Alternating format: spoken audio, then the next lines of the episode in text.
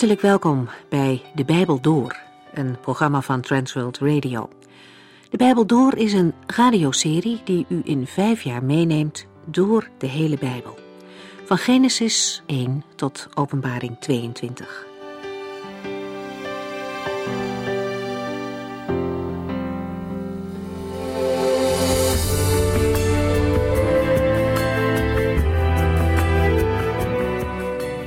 Hartelijk welkom bij De Bijbel Door.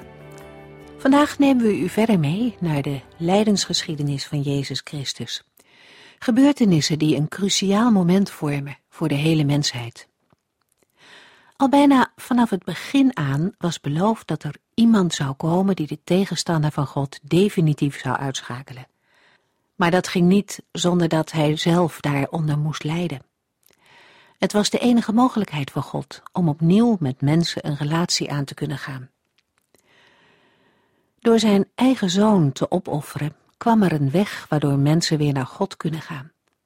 Het is niet voor te stellen hoeveel God ervoor over gehad heeft dat u en ik, ondanks datgene wat we verkeerd doen, toch weer met Hem kunnen leven. In deze afleveringen staan we stil bij het lijden van de Zoon van God. Het is goed om deze hoofdstukken misschien straks nog eens rustig door te lezen en de tijd te nemen om ze op u in te laten werken. De vorige keer lazen we dat Jezus was gearresteerd en overgebracht naar de hoge priester. De raad vergadderde overhaast omdat men nog een goede reden moest bedenken waarom Jezus eigenlijk gevangen genomen was. Veel dingen in het proces tegen Jezus konden niet door de beugel, maar men was vastbesloten om het door te zetten en een manier te vinden om hem uit de weg te ruimen. De Heer Jezus zei vlak na zijn gevangenneming dat dit het uur en de macht van de duisternis was. En dat zien we ook in deze gedeelte terug. Het lijkt alsof de duistere machten vrij spel hebben. In een gedeelde haat tegen Christus sluiten de vijanden Pilatus en Herodes op die dag vriendschap en massa's mensen worden opgehitst. Ze roepen om de kruisdood van Gods Zoon. Eenzaam en verlaten draagt hij zijn kruis, totdat hij niet meer kan. En dan is daar Simon, een man die hem nog een stukje helpt om het kruis te dragen. Hij is een man die te midden van alle haat en duisternis de Jezus een dienst bewijst. En uiteindelijk bereikt de geschiedenis een dieptepunt als de Zoon van God aan het kruis gehangen wordt. Tussen hemel en aarde hangt hij daar, en hij verdraagt alles, om de mensen op aarde te kunnen verzoenen met de God in de hemel.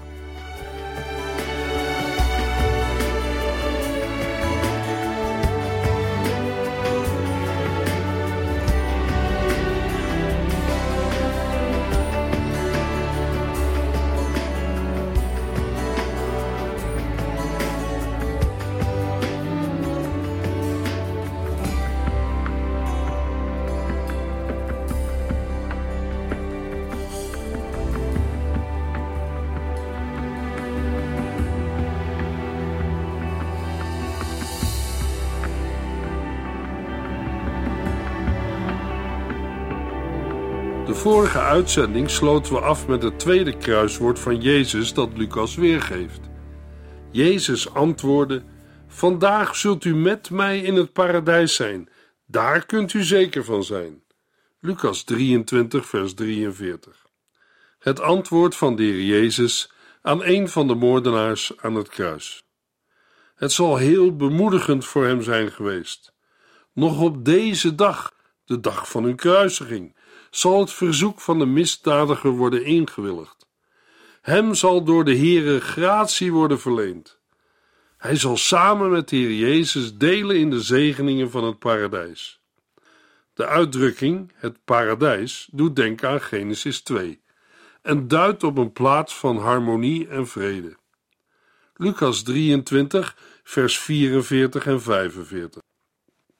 Tegen de middag werd het in het hele land donker dat duurde tot een uur of drie. Het zonlicht was weg. Plotseling scheurde het zware gordijn in de tempel doormidden. In vers 44 treffen we de eerste tijdsaanduiding aan na de vergadering van de Hoge Raad in Lucas 22. Met het zesde uur wordt het midden van de dag bedoeld, ongeveer 12 uur in onze tijdrekening. Aangezien het tijdstip in Lucas 2 bij het aanbreken van de dag ongeveer om 6 uur s morgens geweest moet zijn, hebben sindsdien al de gebeurtenissen plaatsgevonden in ongeveer 6 uur.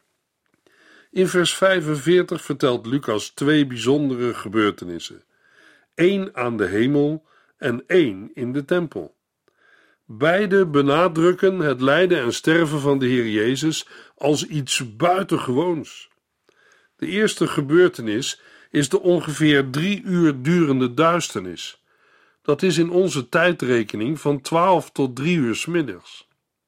Hoe deze duisternis ook verklaard moet worden, het is in ieder geval een ingrijpen van de Heere God in de natuur geweest. We kunnen het zien als een teken van Gods oordeel over de zonde die de Heer Jezus op dat moment droeg aan het kruis. De tweede bijzondere gebeurtenis die Lucas vermeldt, is dat het zware gordijn in de tempel doormidden scheurt. Het is het tweede voorhangsel dat voor het heilige der heiligen hing en dat de toegang tot de ark van het verbond afsloot. Het scheuren van het voorhangsel wijst op het feit dat de voordien afgesloten toegang tot God nu geopend is door het kruisoffer van de Heer Jezus. Daarmee is het gelijk een teken van het einde van het oude verbond, dat zijn hoogtepunt kende op grote verzoendag, de enige keer dat de hoge priester het voorhangsel of zware gordijn voorbij mocht gaan. Toen Christus aan het kruis stierf, scheurde het gordijn in tweeën, zodat de weg naar de Vader open lag. Lucas 23, vers 46. Op dat moment riep Jezus: Vader, ik vertrouw mijn geest aan u toe. En met die woorden blies hij zijn laatste adem uit. Lucas geeft in vers 46 als enige van de vier evangelisten het laatste kruiswoord van Jezus weer. Dat Jezus dit riep is opvallend. In zijn situatie als stervende, een kruiseling stierf uiteindelijk door uitputting, kan hij het lijden toch bij volle bewustzijn met krachtige stem beëindigen. De woorden die hij roept zijn gericht tot zijn Vader in de hemel. Het is de tweede keer dat de Heer Jezus aan het kruis de Heere God aanspreekt met Vader. Het leek alsof Jezus was overgeleverd in de handen van mensen, maar nu, heel bewust, geeft de Heere zijn geest over in de handen van zijn hemelse Vader. Wat de heiland uitspreekt zijn de woorden van Psalm 31, vers 6a. Samen met Psalm 31, vers 16 vormen deze woorden een onderdeel van het Joodse avondgebed. Hetzelfde gebed vinden we bij Stefanus in Handelingen 7. Voor de Heer Jezus was dit een bewuste daad die het einde van zijn aardse leven inhield. De dood is de Heere niet overkomen. Johannes voegt eraan toe dat het laatste woord van de Heer Jezus een triomfkreet was. Tetelestai, het is volbracht. Onmiddellijk na deze woorden is de Heer Jezus gestorven. Lucas 23, vers 47. De Romeinse officier begreep dat God de hand in dit alles had en zei vol ontzag: Deze man was werkelijk onschuldig. In de versen 47 tot en met 49 worden drie reacties beschreven van verschillende ooggetuigen van het lijden en sterven van Christus. De eerste komt van een Romeinse officier, de commandant van de Romeinse soldaten die de kruisiging uitvoerde. Hij was verantwoordelijk voor de executie en hield alles goed in de gaten. Hij heeft alles wat er is gebeurd gezien en gehoord. De woorden van Jezus, de duisternis en de aardbeving, die Lucas niet vermeldt, maar Matthäus wel, en de manier waarop Jezus is gestorven. Zijn reactie is bijzonder. Deze man was werkelijk onschuldig. Lucas 23, vers 48. De vele mensen die naar de kruising waren komen kijken, gingen naar huis nadat ze dit allemaal hadden gezien. Ze sloegen zich op de borst van berouw en verdriet. Een tweede reactie op het lijden en sterven van Jezus komt van de vele mensen. Zij waren naar de kruisiging komen kijken als naar een voorstelling. Als zij alles hebben gezien wat er met en rondom de Heer Jezus is gebeurd, wordt voor het eerst hun gemoedstemming vermeld. Ze sloegen zich op de borst van berouw en verdriet. Voelden ze de wroeging en berouw omdat ze zich hadden laten meeslepen en de kruisiging van Jezus hadden geëist? Lucas 23, vers 49. Jezus' vrienden en ook de vrouwen die met hem uit Galilea waren meegekomen, stonden op een afstand te kijken.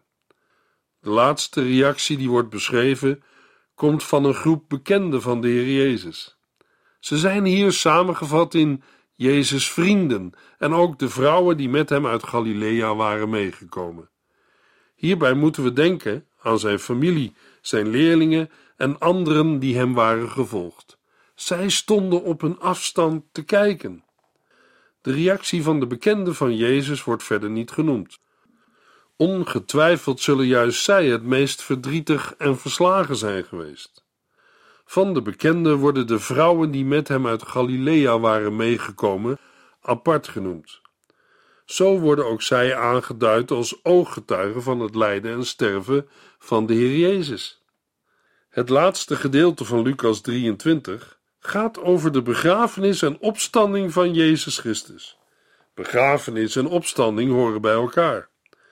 Paulus schreef in 1 Corinthians 15, vers 3 en 4: Het belangrijkste van het goede nieuws dat ik heb ontvangen en u heb doorgegeven, is dit: Christus is voor onze zonde gestorven, zoals voorzegd is in de boeken.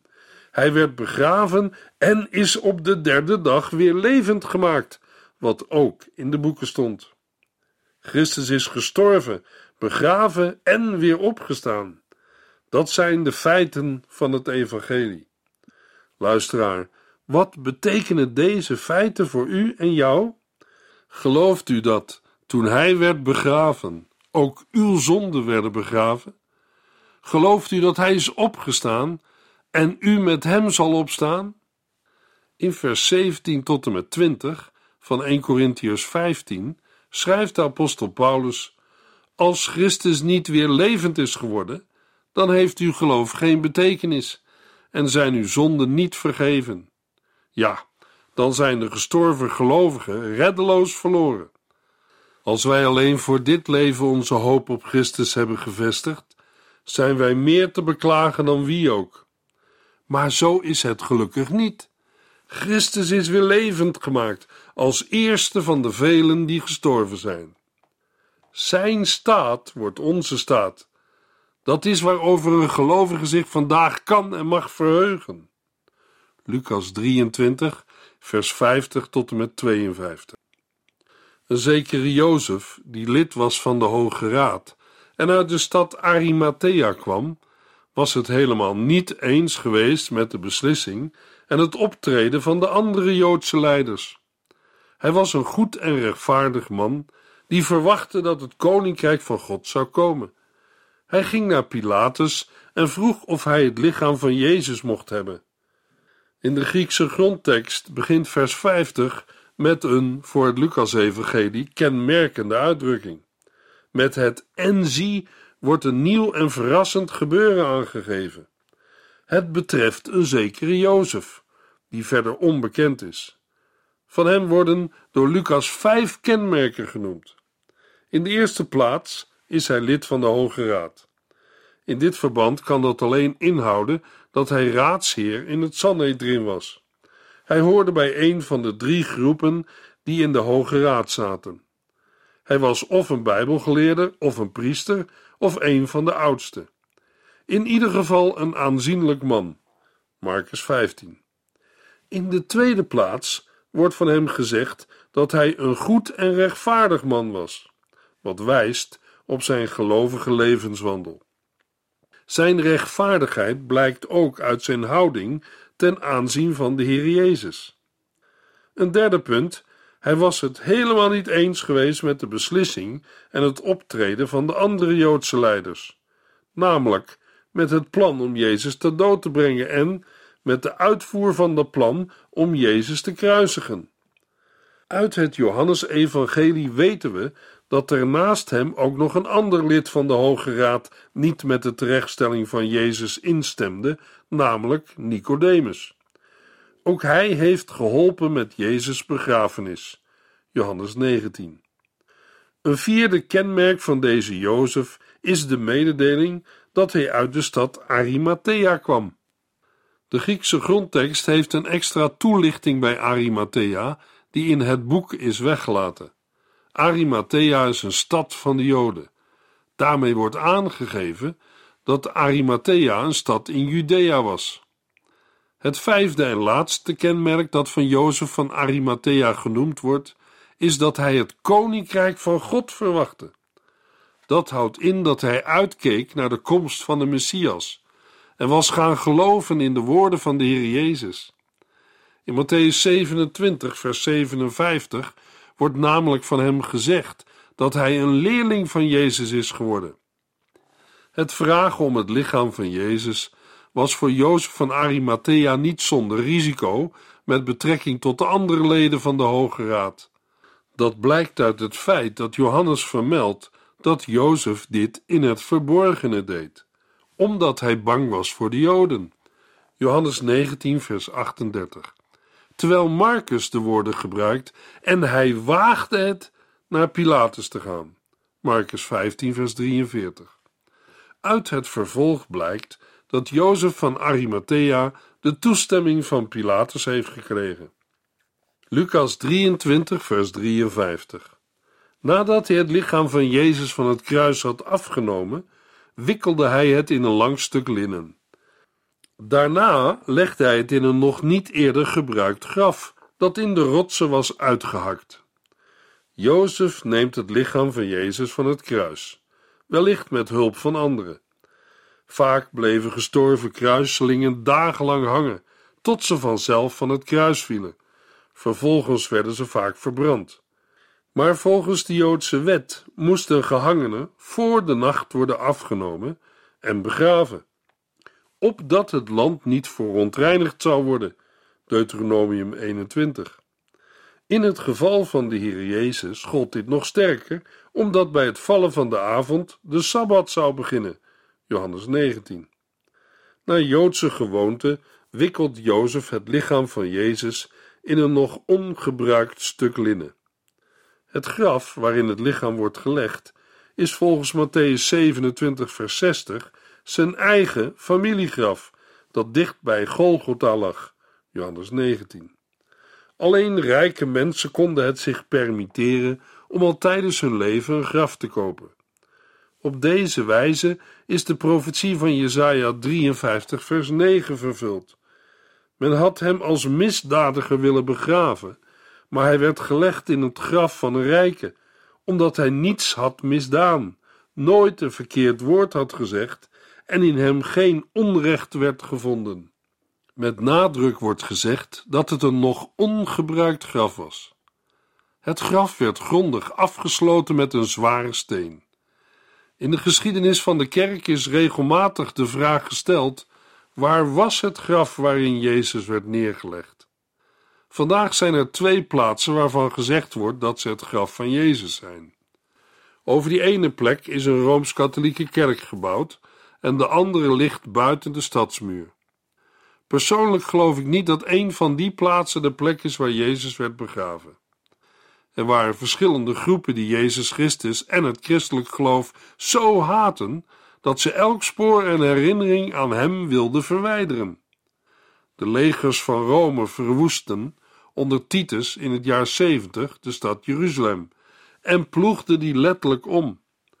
Het graf dat als het tuingraf bekend staat en aan de toeristen wordt getoond, is op de een of andere manier aan de vernietiging ontsnapt.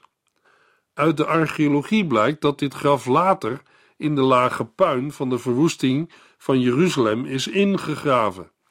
Het traditionele graf kan, historisch en archeologisch gezien, inderdaad het graf zijn.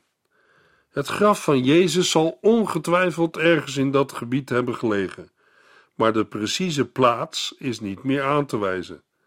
Daarnaast denk ik dat de Heer God het graf van Christus niet intact zou laten omdat sommige mensen er dan een plaats van verering van maken. Dan wordt het graf vereerd of krijgt de plek een bijzondere uitstraling of duiding, maar dan wordt Christus niet aanbeden en vereerd.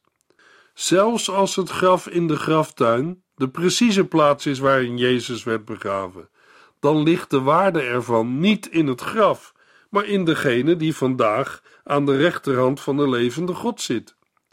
Hebreeën 12, vers 2 zegt: Wij moeten blijven kijken naar Jezus, die ons de weg wijst. Hij is het doel van ons geloof. Lucas 23, vers 54 en 55. De vrijdagmiddag was bijna voorbij. De sabbat zou beginnen.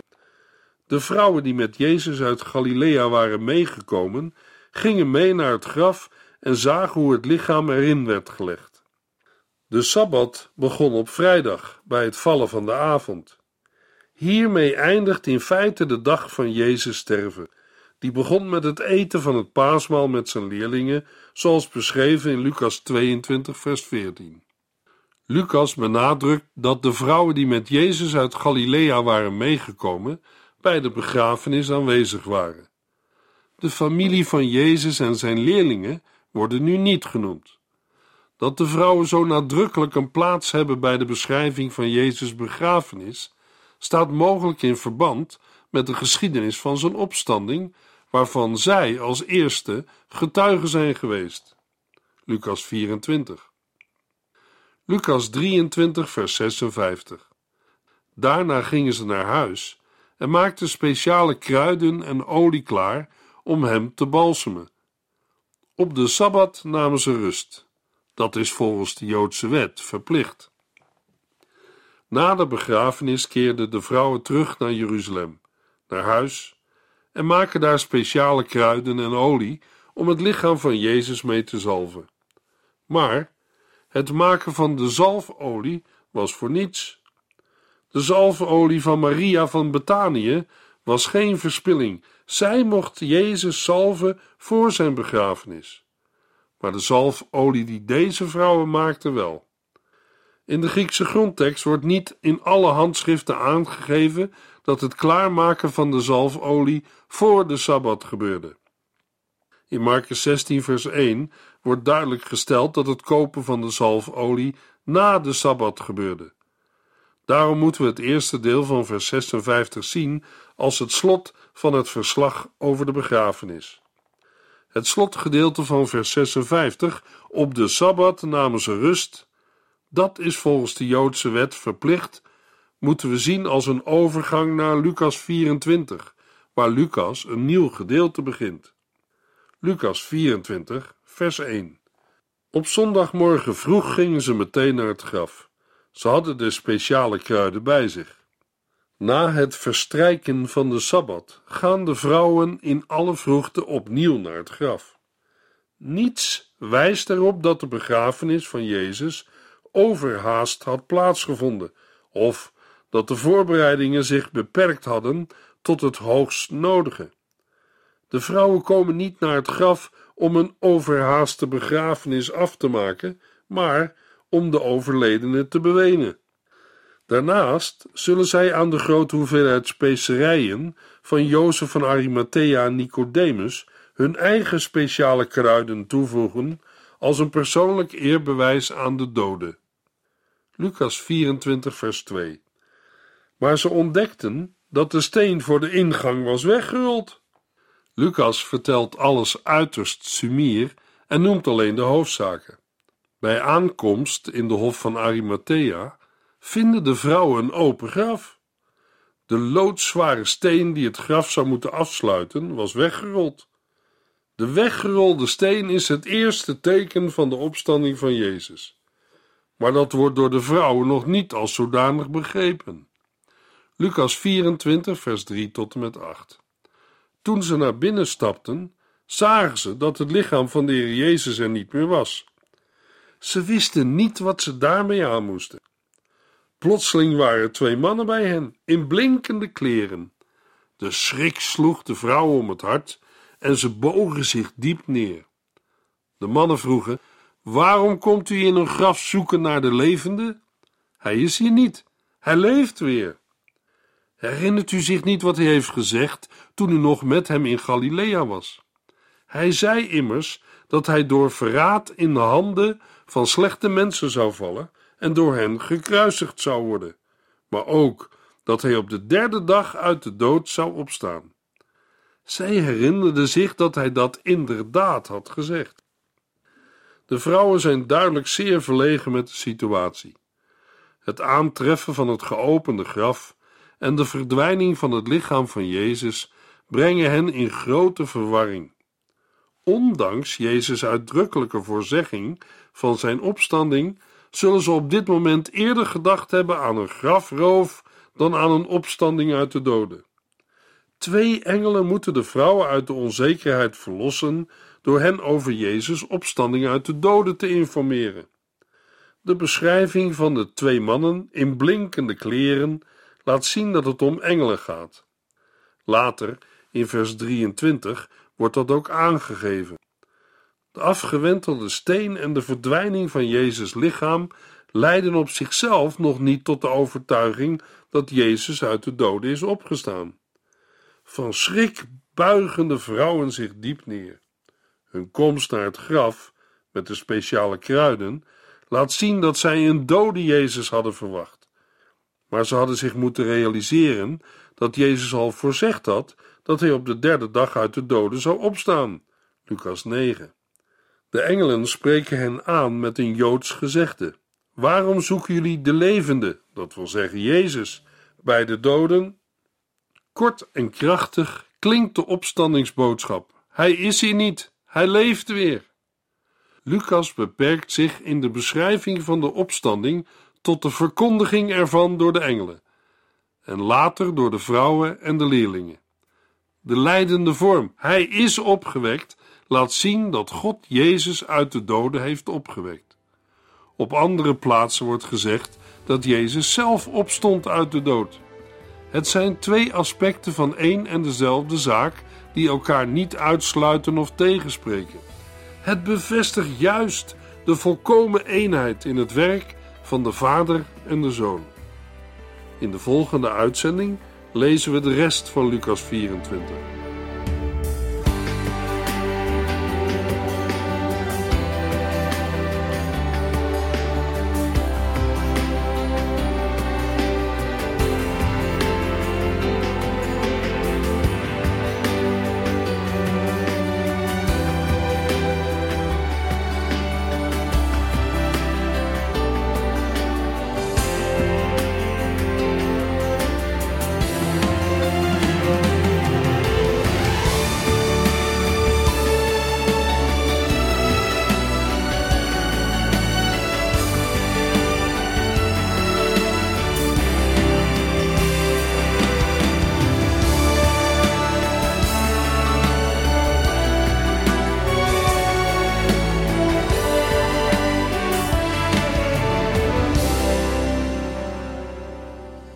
Geluisterd naar De Bijbel Door.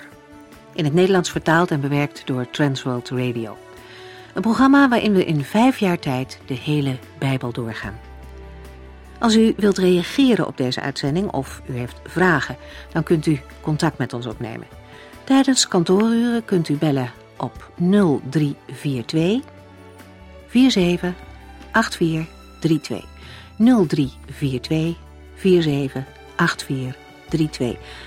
Ook kunt u een e-mail sturen naar de Bijbel door transworldradio.nl en natuurlijk kunt u ook via de post ons bereiken.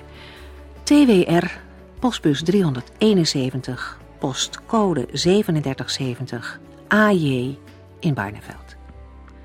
Dit programma werd gepresenteerd door Cor Weda en Ike André. Techniek was in handen van Odin van Woerdekom. En wij allemaal bedanken u voor het luisteren. Graag tot de volgende keer.